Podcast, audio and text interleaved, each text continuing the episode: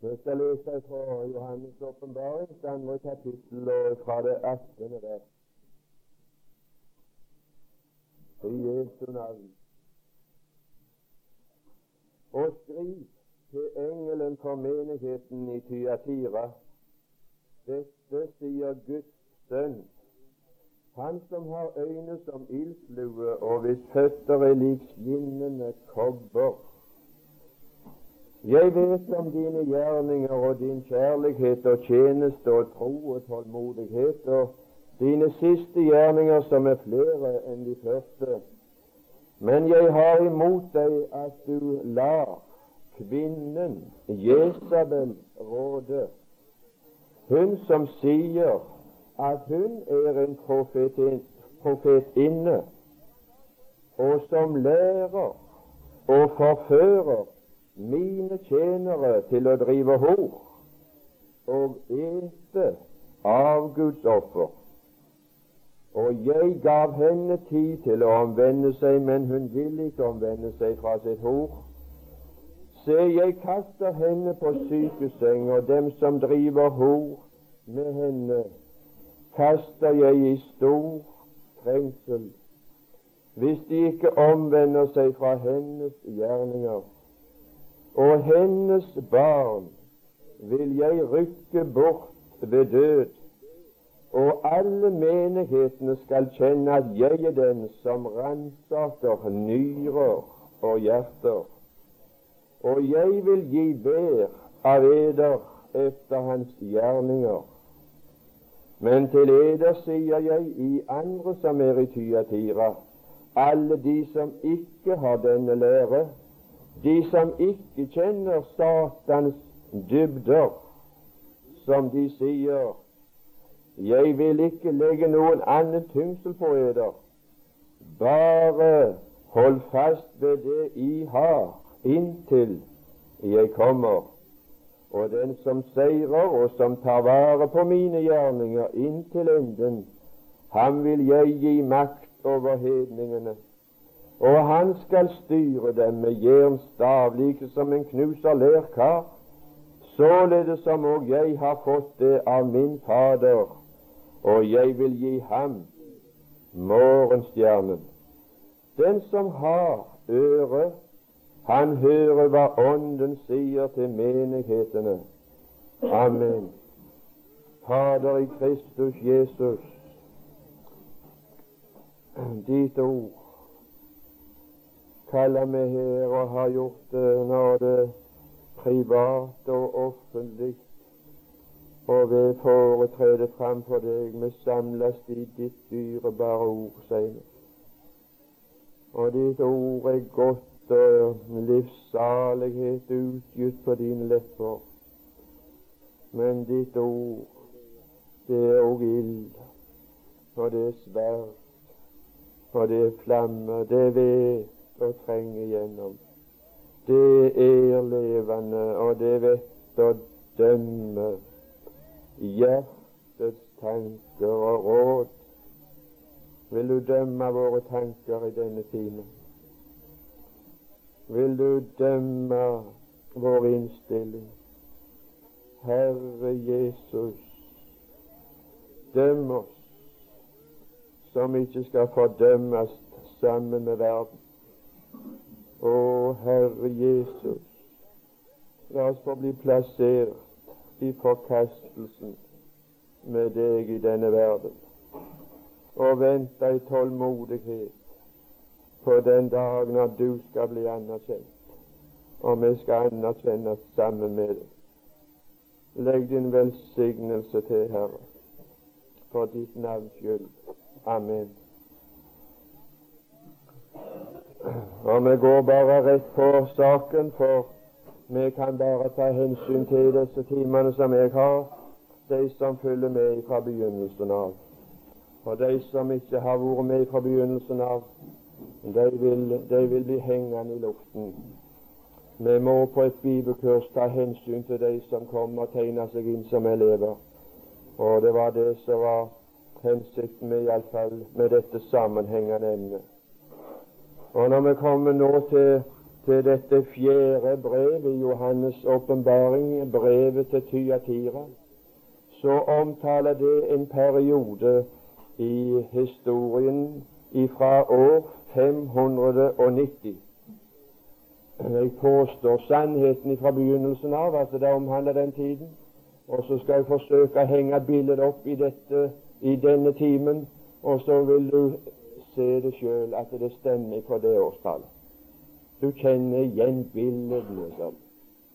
Fra år 590 inntil 1600-1700 år beskriver denne perioden. Jeg vil få ta et lite resymé for oss alle sammen. Efesus, det første, det første menigheten, det betydde den attrådde som Satan begjærte å få sikta i sitt sånn. Kristi menighet som han hadde her i denne verden, den bekjennende kristne menighet, den ble prøvd, og den falt.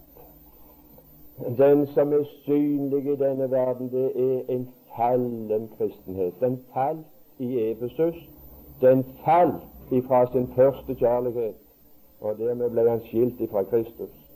Det ble andre personer, det ble andre ting, som nå var den første kjærlighet. Førsteplass. Fallet begynte i det første brev i denne Johannes' åpenbaring.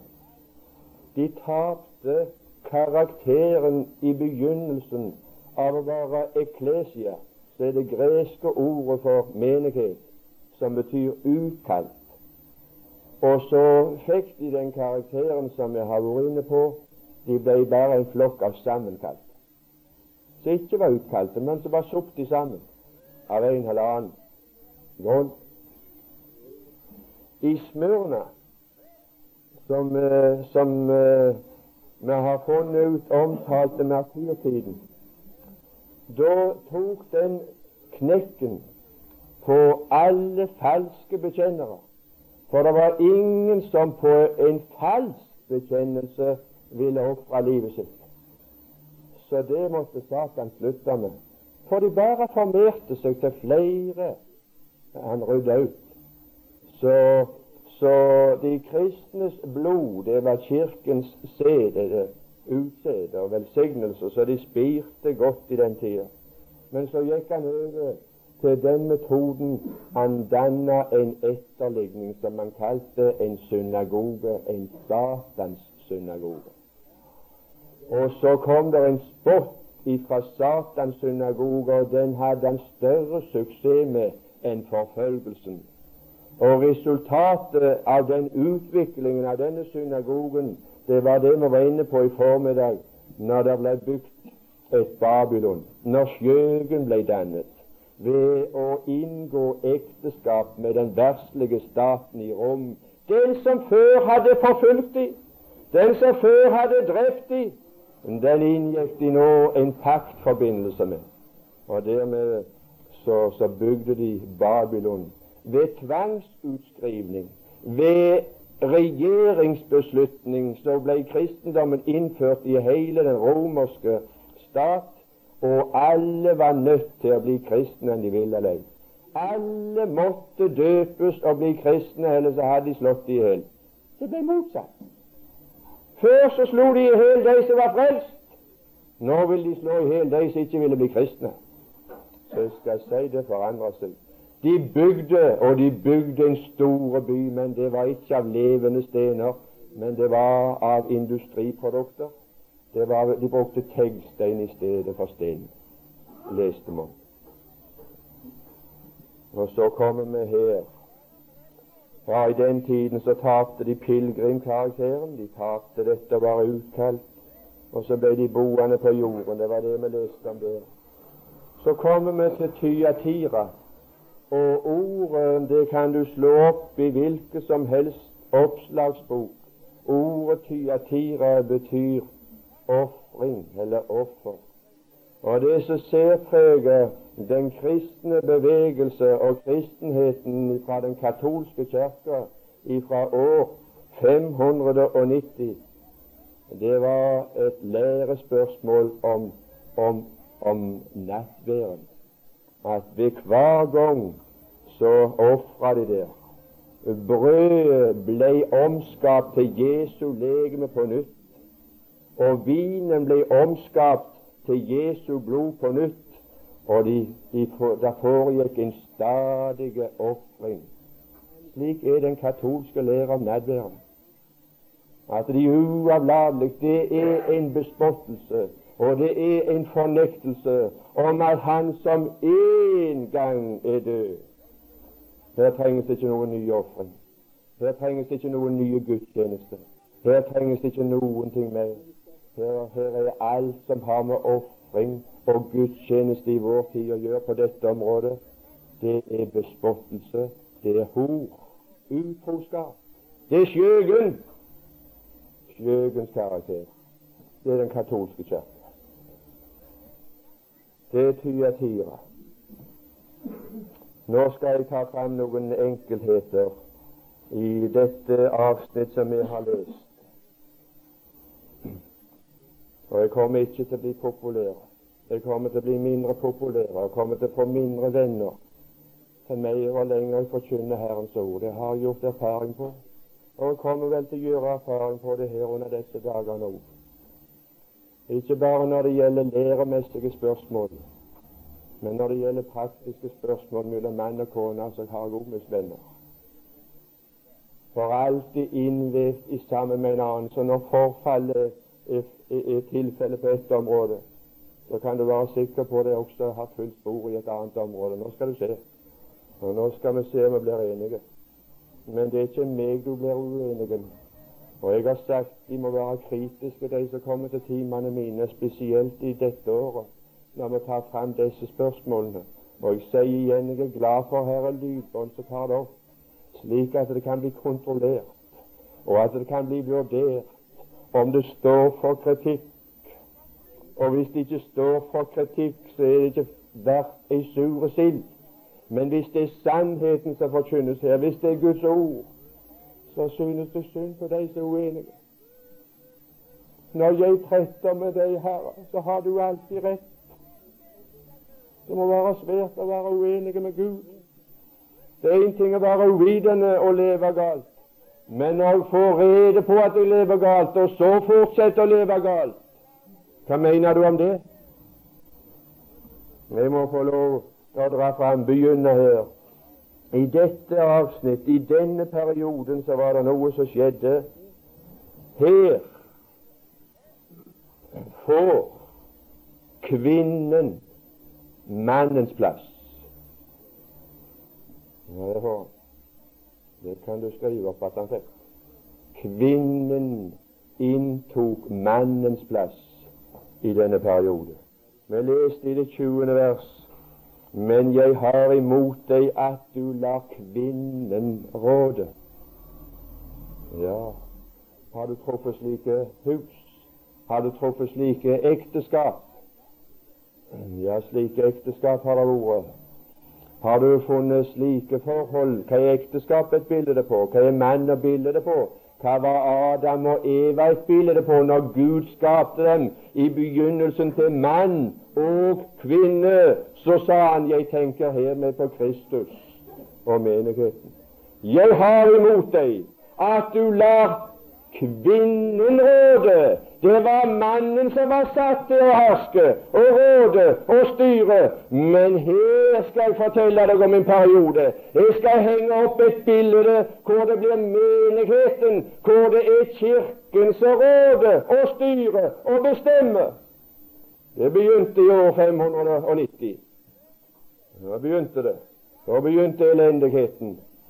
Som, eh, og disse tilstander som vi leser om her i denne, dette avsnitt av et profetisk ord, det var, det var en profeti om det som skulle komme i framtiden når Johannes så det. Vi ser tilbake og ser det. Det har hendt. Jeg kjenner det igjen i bildet. Gud fotograferte på forhånd, og når historien kom, så kjenner jeg det igjen. Du kan være trygge for det. Og her sto det noe kvinnen på mannens plass. som lærer, sto det. Du lar kvinnen lære. Ja, som lærer krever Kirken, den katolske kirke, autoritet. For å være en lærer så må læreren ha autoritet. Og så krevde de autoritet. Men det var ikke bare kvinnen at de lot kvinnen være lærer, men uh, hun sier at hun er en profetinne. Kvinnen gir seg ut for å være en profetinne. Og som profet så krevde Kirken ufeilbarlighet. For de som var profeter, de som var Guds profeter, de, de hellige Guds menn, talte drevet av Guds ord, Guds ånd. Og når de talte, så talte de ufeilbarlig. Det er de som har gitt oss Bibelen. Og Bibelen er en ufeilbarlig bok, fordi det er en bok skreven av profeter, inspirert og dreven av Gud. Men profetene har vi fortalt i Bibelen at de profetgavene de la Gud ned i grunnvollen. Det er ingen profetgaver lenger. Vi skal komme igjen på det. Men du lar kvinnen ta mannens plass. Du lar Kirken ta Kristi plass og Kristus sin plass som lærer og som profet. I første Timotius brev, det andre kapittel og det tolvte vers, der står det Jeg tillater Skriften tillater ikke en kvinne å være lærer. Så får du tillate deg til hva du vil. Men Skriften tillater det ikke. Og Skriften, er Hesabrevets 2, 20 Skriften tillater verken mann eller kvinne å være profet. Han er ferdig med å gi sånne gaver. For der står det vi er bygget opp på apostlenes og profetenes grunnvoll, mens hjørnestenene Kristus de ble lagt ned i grunnvollen. Det var profeter inntil vi fikk Bibelen ferdig skrevet. Og inntil den så trenger vi ikke noen flere. Gud har talt, og Han har talt sitt ufeilbarlige ord. Og Han har talt alt det Han har å tale. Han har ikke mer på hjertet. Vi var inne på det før, jeg kan bare referere til det, at i vår tid så er det bare disse gavene evangelist, hyrde og lærer, ikke apostler og profeter. De ble lagt ned i grunnvollen. De var i begynnelsen. Og de hadde autoritet. De hadde profetisk gave og autoritetsgave, så han ved håndspåleggelse kunne legge hendene på Timotius og gi han en nådegave. Det kan ikke evangelisten. Det kan ikke hyrden, og det kan slett ikke læreren. Evangelisten har ingen autoritet. Læreren har ingen autoritet i dag, ei heller hyrden.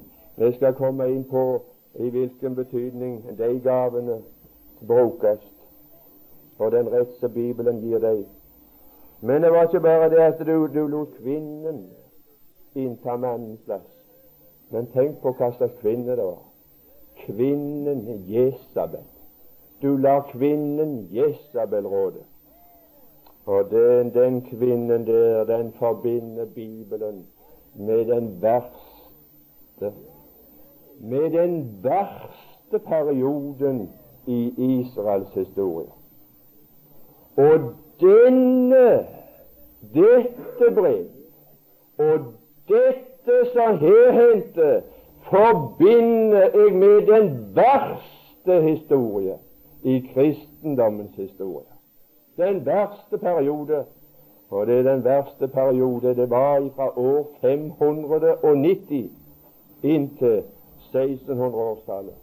Og jeg skal sitere, jeg skal ta det sitatet med allerede nå. sitat fra Ivar Velles kirkehistorie, side 164. Jeg har lært av en gang å begynne med sitater nå, så at jeg skal slippe å sitere feil. Så det er om å gjøre ikke, ikke bare være på slump. Nå skal du høre hva, hva der står. Ei vitenskapelig, autentiske, historiske bok.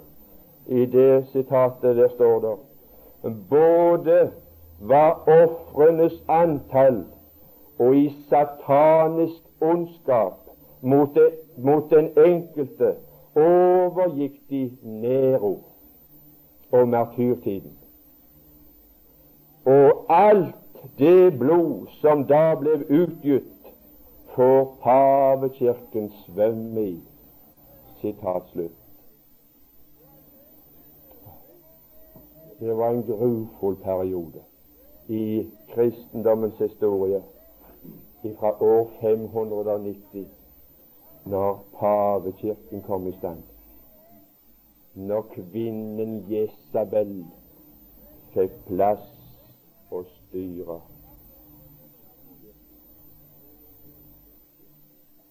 Ja, jeg skal ikke komme inn på detaljer. Jeg skal, jeg skal gi deg et overblikk.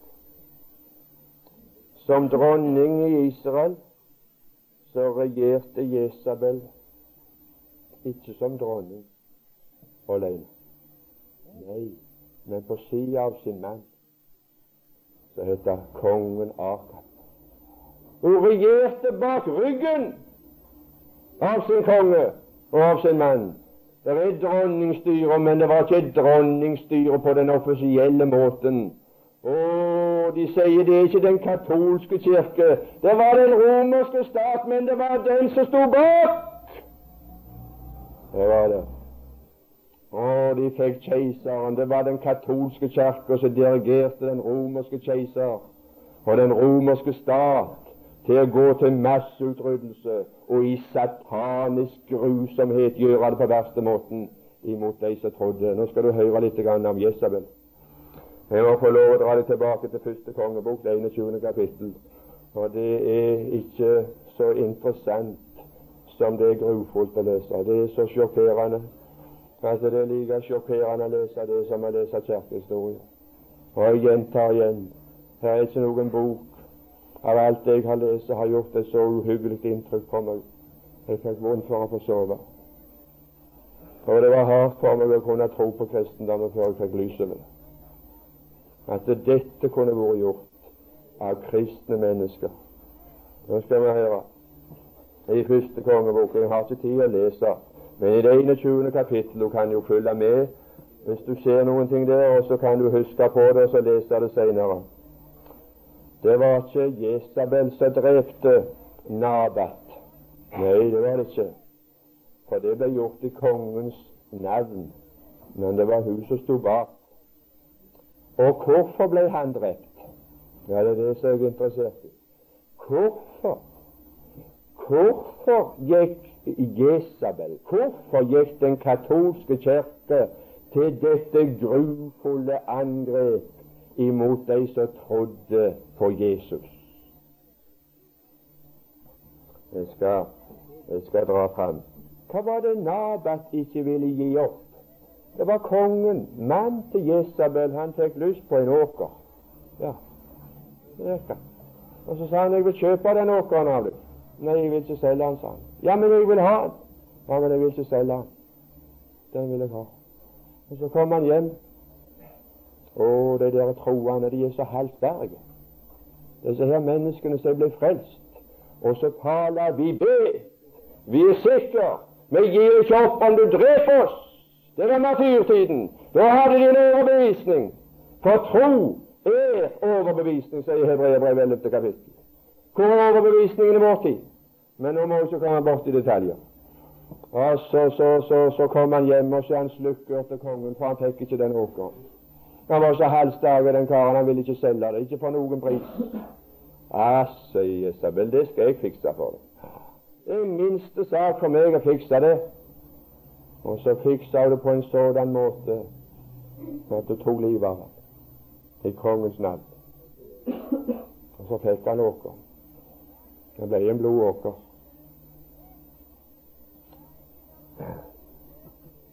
Nå må jeg få lov å stille et nytt spørsmål, og så svare med et skriftsted. Hvorfor ville ikke Nabert gi opp den åkeren? Hvorfor ville han ikke gi, gi han opp? Hvorfor kunne han ikke selge han? Kunne han ikke, kunne han ikke få penger av plassen? Var den åkeren så verdifull at han kunne sette liv inn på den? Ja, nei, det var en grunn for det. Og den eneste grunnen var Herrens ord så holdt han igjen.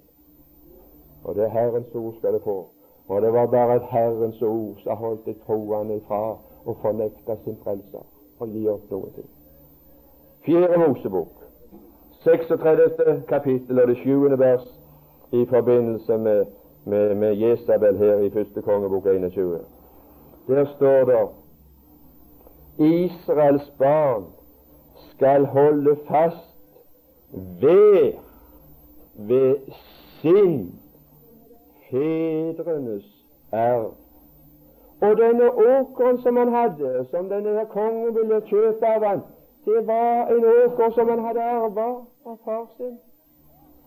Og så sa Guds ord at det skal en be for sin egen del sørge for at han ikke skiller seg ifra, ikke får noen pris. Å, har du fått en arv?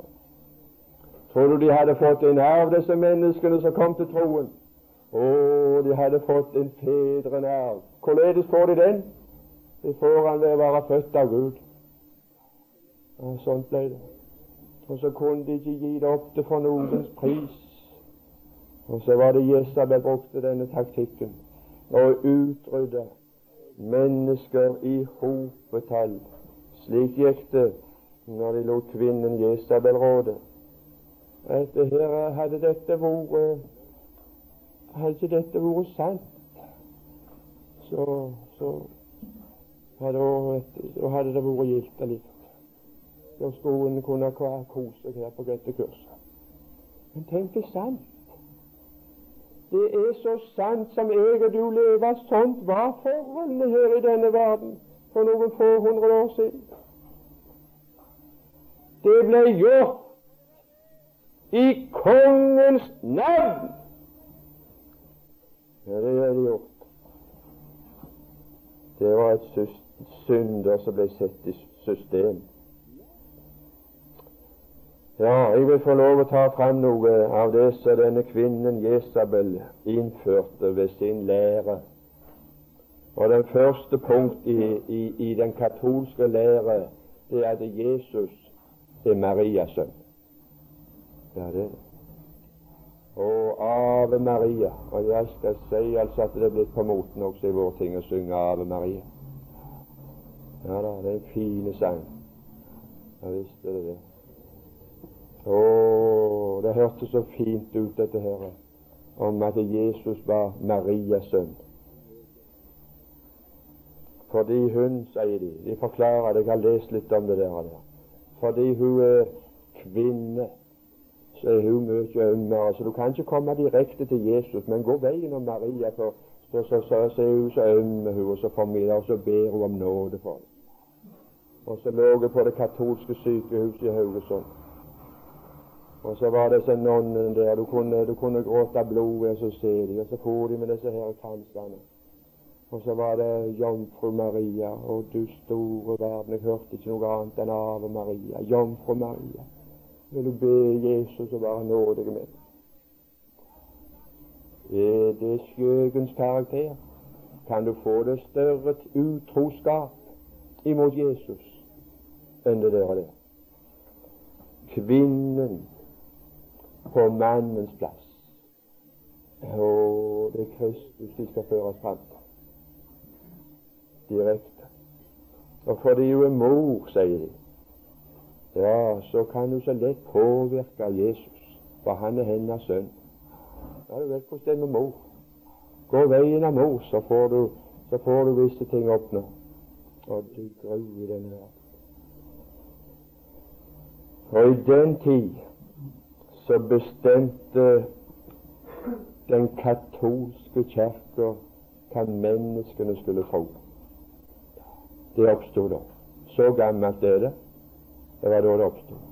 Da bestemte Kirken Den katolske kirke avfatta en beslutning om hva folket hadde lov til å tro. Og de som ikke ville tro det, de skulle utryddes ved døden og ved forfølgelse. Da fikk de troeslærere, da fikk de bekjennelsesskrifter, og jeg har lest dem. Mange av de er gode nok, det er ikke de som er i veien med, men det var utroskap. Det var kvinnen på mannens plass. Å, det førte, det førte bare til sakramentalisme.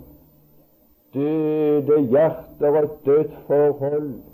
Å, for menneskene i et levende forhold med Herren, så skal jeg si at Han kan lære det. Å, jeg skal lære deg den vei du skal gå. Slik står det i Bibelen. Men her fikk en en ny lære. En, eh, du lar kvinnen Jesabel råde, og hun førte inn lære. Er lære for noen ting? En lære som de innførte.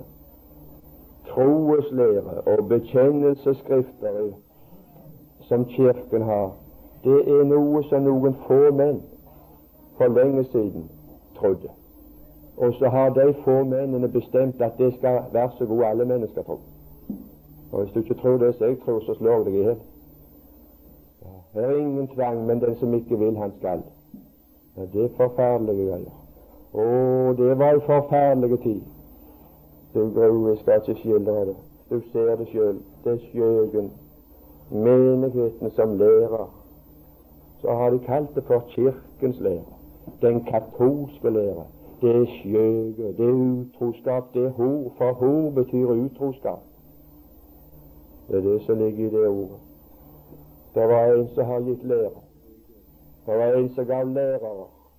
Og Efeserbrevet sier at, at han for opp det i det høye, så gav han menneskene gaver. Han gav oss noen til lærere. Han gav oss. Nå begynte Kirka å gi sånne gaver. Ja, Den katolske kirke har gitt oss lærere med navn. Å, for noen navn! De skulle gjøre seg et navn, leste vi formiddag. Jeg skal si de har fått navn. Jeg skal ikke referere de her. Men hvert eneste navn som du visste, skal tape sin glans og forgå. Men Jesus, den første og siste, hans navn skal for evig bestå. Han har gitt oss, og jeg skal komme inn på det nå, han har gitt oss lære. Han har gitt oss ufeilbarlig lære. Men den akter ikke på. Nei, hold deg til det, og hold deg til det. Du vil jo være enig med oss, ellers så dreper vi deg.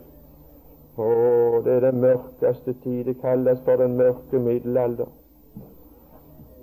Jeg vil få lov å dra fram. Å, hvor jeg gleder meg for at jeg har, jeg har fått lært Kristus å kjenne i mitt liv. At jeg er kommet på tomannshånd med Gud, som vi hørte om den første kvelden her. Jeg lever ikke bare av en mannskost. Jeg lever ikke bare av en hånds. Jeg tror ikke på Jesus fordi at han far trodde på Jesus. Jeg satt en dag på et kontor nede på Åkra, hvor det var en, eh, en meget fin mann som jeg har. En av de mest moralistiske som jeg har.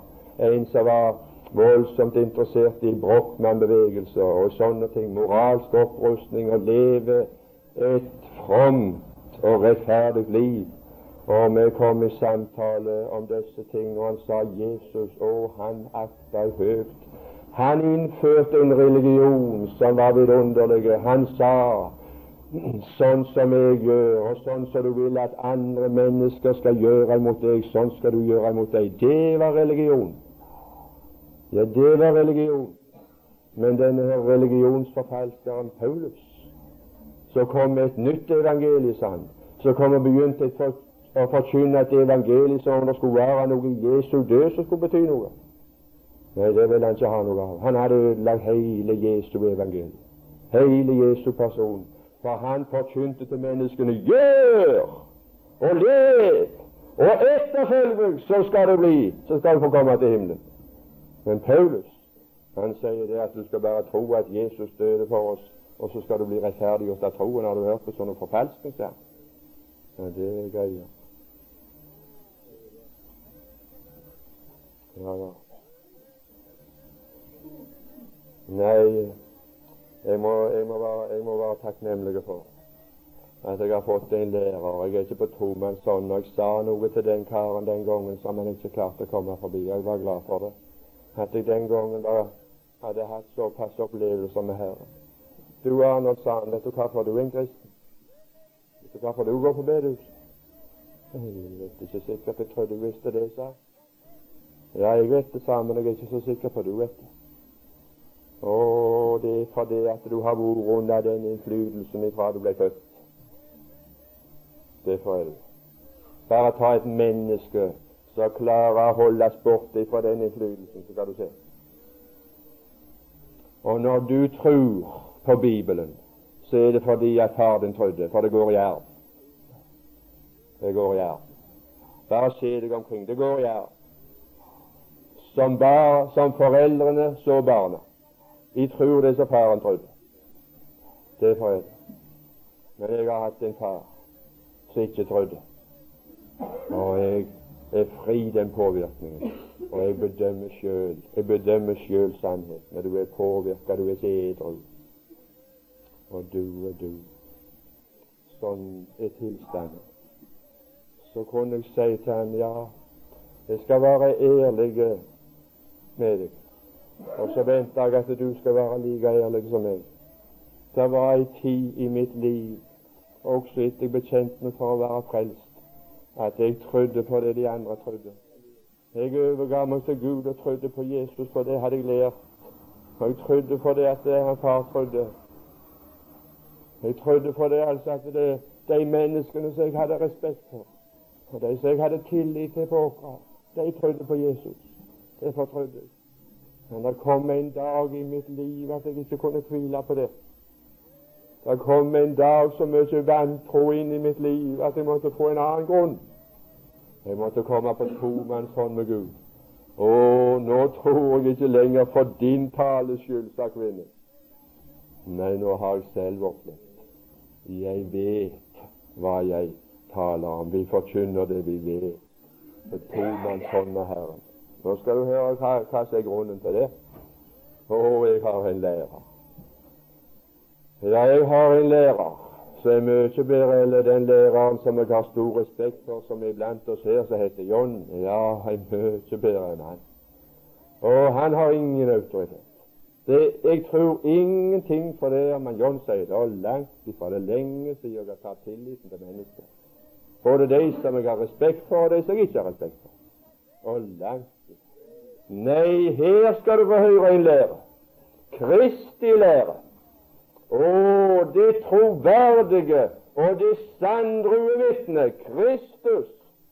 Nå skal du høre. Johannes evangelies 14. kapittel og det 26. vers. Johannes evangeliet 14. kapittel og 26. vers. Nå kommer jeg inn på nøkkelsannheter til et lykkelig liv, hvis du er interessert i det. Og det er jeg sikker på du er. Og jeg skulle bare ønske, jeg skulle bare håpe til Gud. Jeg vil be i min ånd mens jeg står her. Å, måtte det være noe som lukter seg inn her. Der står det jeg skal sende talsmannen når jeg går bort. Det er til gagn for dere at jeg går bort. Jeg skal sende talsmannen. Han! Kirken? Nei, han! Den hellige ånd, han skal lære dere alle ting. Nei, du store meg. Her har du en lærer. Og jeg kjenner en predikant som var i et annet land enn Norge. Jeg kjenner han godt. Og så var han i et annet land enn Norge. Han var ukjent der. Og så ble de imponert av hans forkynnelse og av hans bibelkunnskap og den måten han sa. Så sier Herren Han visste hva Herren sa. Og når møtet var slutt, så var de så mektig imponert i den forsamlingen, både for standarden og, og, og, og styret, at de stanset igjen og så snakket med han og så sa de, Kjære broder, hvor har du din utdannelse ifra? Hvilket universitet har du gått på? Jeg har vært på Maria-universitetet, sa han. Jeg har ingen annen utdannelse. Maria-universitetet, hvor ligger det? Aha, så uvitende var de i en kristelig forsamling at de ikke kjente til Maria-universitetet. Det er litt av et universitet. Ha, Der lærer de ikke litt om tingene. Han skal lære dere alt. Mm. Det lærer ble han sluppet til i den katolske kirka. Og du store min, du store min, jeg skal ikke ta Første Johannes brev, andre kapittel, 20. vers. Nå kommer, nå kommer, nå kommer altså sikkerhetslåsen. Ja, her er låser, og her er nøkler, og her må du lukke deg inn, for dette er ikke for hvem som helst. Nei, nei Herren Herren har tatt vare på de vidunderlige sannheter, og han kaster ikke perler for svin. Et naturlig menneske kan ikke ta imot det som hører Guds ånd til. For det er ham en dårskap. Det dømmes åndelig. Ja, men han må få Den hellige ånd. Vi har den ånd som er av Gud, og den ånd Nå skal vi høre. Første Johannes brev, andre kapittel og det 20. vers. I har salvelse av Den hellige ånd. Og vet ingenting. Lekfolk kalte de det for. Ja, det gjorde de. Og lekfolk betyr ulærde, som ikke vet noen ting. Og når lekfolket tror på Gud, sier teologene inne på universitetet og menighetsfakultetet, og dette kan jeg bevise, så er det fordi de ikke vet bedre. Hadde de kjent til hvorledes Bibelen ble til, så har ikke de alle kunnet tro på. Men når de tror, så er det fordi de er uvitende. Lekfolk, uvitenhet, ulege og lærde, ulærde og lege menn. Å nei, du, her er ikke lekfolk og ulærde iblant Guds forsamling. Jeg har sånne gode lærere der. I har salvelse av Den hellige ånd, og I vet alt. Ja. Vi skal forklare det litt nærmere, tro. For ellers vil det vel være vanskelig å forstå den satsen at vi vet alt. 27. vers. Det blir bare, det blir bare sterkere og sterkere, høyere og høyere. Så dette her går ganske Du kunne bli svimmel. De trenger ikke til Nei, kastle. De trenger ikke til at noen skal lære det. Nei, dette må være hovmod. Ja, det må det. Og det er det de kaller det for. De trenger ikke til at noen skal lære eder men som Hans salvelse lærer eder alt, så er det. Ja, det er så. Og så er det sannhet. Så er det, og det er sannhet. På hvilken måte? Ja, først vil jeg si litt om læren sjøl. Her har du ufeilbarlighet. Og her har du ufeilbarlighetslære, noe annet enn pavens ufeilbarlighet stakkars menneskehet som er kommet inn i tro på løgnen. Kraftig villfarelse, så de tror løgnen.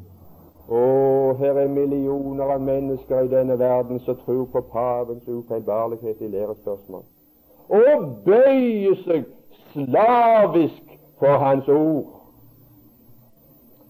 Men her er det en forsamling av mennesker som er kommet til tro på Kristus som lærer, og hans ufeilbarlighet, og bøye seg slavisk for Hans ord. Her er ufeilbarlighet. Jeg vil få lov å minne om det.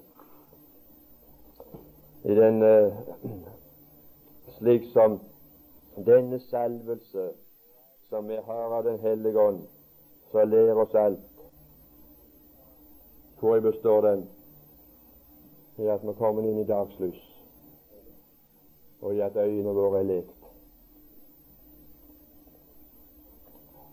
Og den som er i dagslys, og den som har friske øyne, han vet alt her i Mosby. Han ser alt her i Mosby. Det er bare én behov for lærere. Det er bare ett behov for lærere i dag. Det er å gå omkring og gjøre mennesker oppmerksomhet på det som er i dagslys. Ohoi, se det der. Å, se den steinen. Se den blomsten. Det er dagslyset. For alle Guds barn som er frelst, Det hører dagen til, og de er lysets barn. De vandrer i lyset, og de har fått sitt syn igjen. De var blinde av naturen. Jeg gikk i blinde, men jeg har fått min syn igjen. Å, lærerens oppgave i mitt liv, det gjør at meg oppmerksom hva det er i dagen. Bringer det fram i min synsvinkel. Gjøre mitt sinn oppmerksom på det. Åhå, det var det! Således er det! Og jeg har ikke vært oppmerksom på det, og så lå det jo der. Så var det jo der. Men jeg så det jo ikke. Og det bringer fram for våre øyne. Det var sagt om Paulus. Han sto og talte en dag, og så spurte de hva er det for underlige ting som du fører fram for våre øyne? Ja, det var underlige ting. Og så førte han det fram for deres øyer og deres ører, og så ble de oppmerksomme på det. Er det ikke det vi er vitne til her? Det er ikke noen annen oppgave læreren som Herren har gitt oss i denne tid, enn å gjøre oppmerksom. Ja, her trenges ikke noe i tillegg til Bibelen for å holde oss på rette kjøl. Her trenges det ingen bekjennelsesskrifter for å holde oss i rett samfunn med Herren. Her trenges det ingen troesartikler for å holde oss rett og vite hva som er rett. Jeg, jeg bøyer meg for at den er god, og den er rett, den augsburgske bekjennelse som ble fatta, skreven av Melankton, eller ja, skreven av Melankton og godkjent av Luther, den var god til sitt bror. Hva var han god til? Han var god når du brukte han imot vranglære.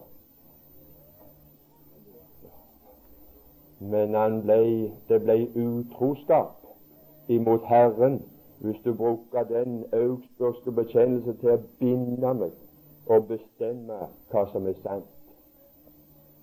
Han er god til forsvar mot vranglære, men det er Bibelen som forteller meg om hva som er sant. Og hvis noen binder meg der, så bøyer jeg meg bare for Bibelen. Jeg bøyer meg ikke for noen annen ting. Å, la jeg meg få dra omsorg for mine barn, sier Herren. Jeg har ingen bekymringer om at det blir, det blir avsporing i et menneskes liv hvis de lever på tomannshånd med Herren. Der blir ikke rom for avsporing. Men skal du få mellom mellommenner, så sporer det av her, så sporer det av der. For troeslærer og bekjennelsesskrifter har en splittende tendens. Og det viste seg med en gang det ble bekjennelsesskrifter, så ble det splittelse, og så ble det oppdeling. For en troeslære og en bekjennelsesskrift, det har bare makt over menneskene så lenge det er en autoritet som står bak og tvinger det gjennom. Du har vært så god med å bøye det. Og når et menneske gjør vold på sin samvittighet, han blir oppmerksom på noe i Guds ord som ikke stemmer med den der læren der, så må han enten gjøre vold mot sin samvittighet og gå på akkord med sin overbevisning og bli i det systemet, eller så lukke og drive den troesartikkelen og den bekjennelsesskriften han ut. Så har du splittelsen. Og mange var de som ble trykt ut i den tiden. Å, for en forakt, for en hån og for en forfølgelse de ble gjenstand for, som bødde seg for Guds tale til samvittighet og bødde seg for Guds ord. Slik er det.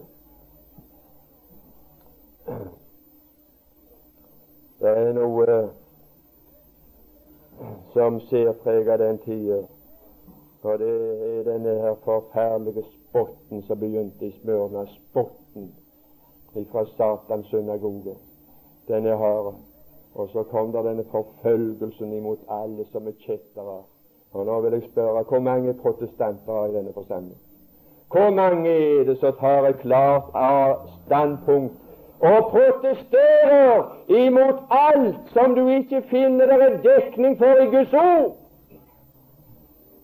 Disse bekjennelsesskriftene var gode i sin tid imot vranglære, men disse skriftene disse bekjennelsesskriftene som de kaller for våre fedres kirkefedre.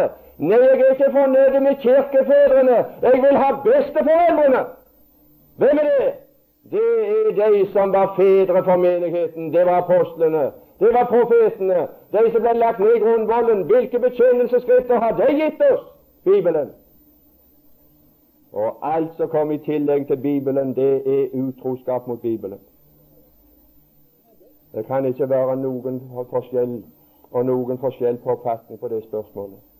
Og når Gud har talt, så vil jeg bare få lov å spørre kan det noe menneske, Vil noe menneske påstå å gi seg ut for å være dyktigere til å skrive klarere til menneskene enn Gud? Skal mennesker klare å gjøre det mer forståelig enn Gud klarte når han skrev sitt ord? Og det er raffinert. Det er raffinert. Gi meg Bibelen og eh, disse sangene om Bibelen og min moders bibel er. La oss få lov å synge på den. Og la oss få lov, lov å være lutherske. Er det noen menneske i dette land som er luthersk, i den reformatoriske i de to reformatoriske prinsipper sa han reiv ut og var som et tindrende lys over Europa og denne verden. Hva var det for noen ting? Å, luthersk, det er to ting, det. Det er Skriften alene, og det er troen alene. Det er luthersk. Å, la oss få lov å være lutherske. La oss få lov å være lutherske i denne betydning Skriften alene. Ikke høyeste autoritet, men eneste og alle andre bøker og alle andre skrifter og alle andre talere, lærere eller hva du vil kalle det for, de har bare sin nytte for meg så langt så de kan gjøre meg oppmerksom på så står skrevet. En lærer i vår tid har ingen autoritet. Han har ingen rett til å forlange av noe menneske at du skal tro det fordi jeg sier det. Men han har bare én en eneste ting å gjøre. Det er å tjene sin Herre. Du skal tro det, for Jesus sier det. Han skal bringe din oppmerksomhet, så står skrevet. Og alene for det bøyer meg.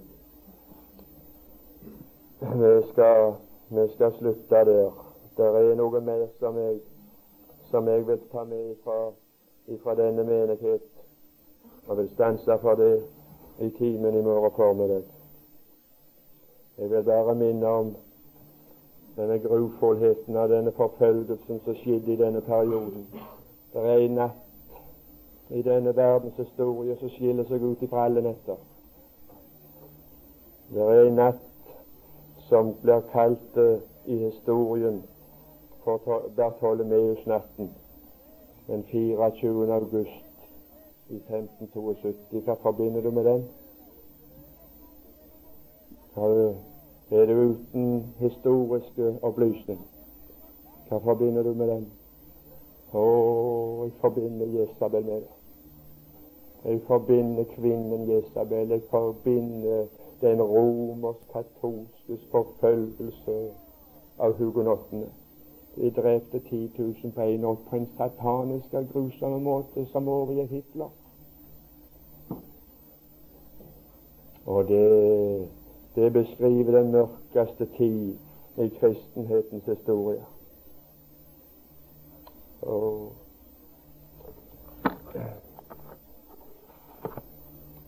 jeg sa det er en ting å tro på Bibelen. Det er en ting å si at uh, livssalighet er utgitt på dine lepper. Det er en ting. Men det er forferdelig å tro på Bibelen når en ser hva Bibelen sier om dette. her. Og disse tilstandene nådde sin fullendelse i denne perioden. Og så vil det bli slik inntil jeg kommer, sagt. Og de som driver hor, som er delaktige i den utroskap, de ville kaste inn, og så kom et uttrykk som bare skal brukes og brukes i Bibelen om en periode. De ville kaste inn i den store trengsel. Å, det er nok sant, det som de sjøl lærer, at menigheten skal inn i den store trengsel. Det er sant. For den bekjennende kristenhet skal inn i den store trengsel. Det er bare én som ikke skal. Det er Kristi menighet. Det er de gjenfødte skarer. De skal ikke inn i den store menighet. Det er store trengsel. De skal hjem. Herren tager sin due bort før en Guds vrede går frem. Men menigheten, den kristne, bekjennende menighet, den kristenheten i verden, men de skal inn i den store trengsel. Det sier de sjøl, for de har ikke noe annet lys over det spørsmålet. Og de går inn, og de kommer ikke ut derifra. Og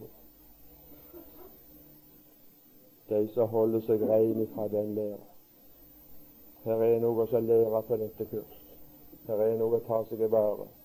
For denne ånd og denne, dette system, det bygger opp en sterk forgreining i Norge i våre dager. Og jeg skal slutte med en praktisk hjelp som ikke har noe med timen å gjøre i så måte, men som har med alle timer, og som har med alt som har vært sagt her. Det var stilt et spørsmål allerede tidlig her på kurset, etter den første timen som Aurebekk holdt, der han påviste at ei lærebok i, det, i, i, i, den norske skolen som lærerne skal undervise i, den læreboka påviste han her at den var løgn! Og så spurte han hvorledes skal en troende lærer som finnes i denne forsamling, og skal gå hjem og praktisere som lærer etter denne dag, når han har fått opplysning om at den læreboka er gal. Det gjelder ikke bare den læreboka. Det gjelder alle de spørsmål i, som blir opptatt på dette kurs, som du blir overbevist om er gal. Hvorledes skal jeg stille meg til det i det praktiske liv? Og hvis jeg er lærer for andre i folkeskolen, hvorledes skal jeg gjøre? Jeg kommer jo i samvittighetsproblemer. Jeg kan jo ikke lære barna opp i det som er løgn. Jeg skal gi deg en forklaring. Og den forklaringen har jeg av en som sjøl hadde disse problemer, og som uh, i dag går på lærerskolen. Han, uh, og en som er ferdig med lærerskolen. Jeg har to eksempler. Det var vel gjerne han som er ferdig. Jeg, blander gjerne litt sammen i øyeblikket. Det kan jeg ikke påstå. Jeg kan ta han ene. Han skulle gå opp i eksamen i religion. Og så hadde han kommet til overbevisning. Han hadde fått en bibelsk overbevisning og et syn som kom i strid med enkelte ting i den læreboka og i det pensumet som de har på lærerskolen, så var det spørsmål hvorledes skulle han stille seg til eksamen, og hvorledes skal han stille seg til det praktiske liv når han kommer som lærer, for ikke å komme i samvittighetsnød. Så gjorde han det på følgende måte til eksamen, og han fikk én på. Han eh, besvarte spørsmålene sånn som lærebøkene hadde lært han. Slik læres den kristne norske kirke. Og det er det som er pensumet. Og så beherska han det stoffet. Og så gav han en tilfredsstillende utredning om det spørsmålet etter deres lære. Og så kom han som punkt nummer to, romertall nummer to. Han var ikke ferdig med oppgaven med det. Men, sa han, Bibelen, Bibelens syn på disse spørsmål, det er følgende Og så gav han en logisk og tankemessig oppbygning i besvarelsen som han de var nødt til å gi han en på. Ja, det kan du være sikker på de må. Og det er ingen annen måte. Og selv om det skulle resultere i at de kaster oss, så vet jeg ingen annen vei. Jeg kan iallfall ikke lære folk opp i løgn. Det er ganske umulig. Og du må ikke gå på akkord med samvittigheten. La oss ikke lære barna våre opp at de hører til dyreriket. bli ikke ansvarlige for den sorten lære. Si det der, det er noe som vitenskapsmennene lærer. Men Bibelen lærer at du hørte til Guds rike, og at du burde høre til Guds rike, og at det er Guds tanke at du skulle være i Guds rike. Og du har aldri vært dyr, men når du er borte fra Herren, så er du som et dyr. Jeg var som et dyr imot deg. Men han var ikke et dyr. Men når han oppførte seg slik, så var det som et dyr. Å, måtte de få lov å lære det på den måten. Det har konsekvenser med å gå på bibelkurs. Det har konsekvenser for å få lys. Det følger ansvar med det. Og det ansvaret, det ønsker jeg at vi tar med oss. Herre Jesus,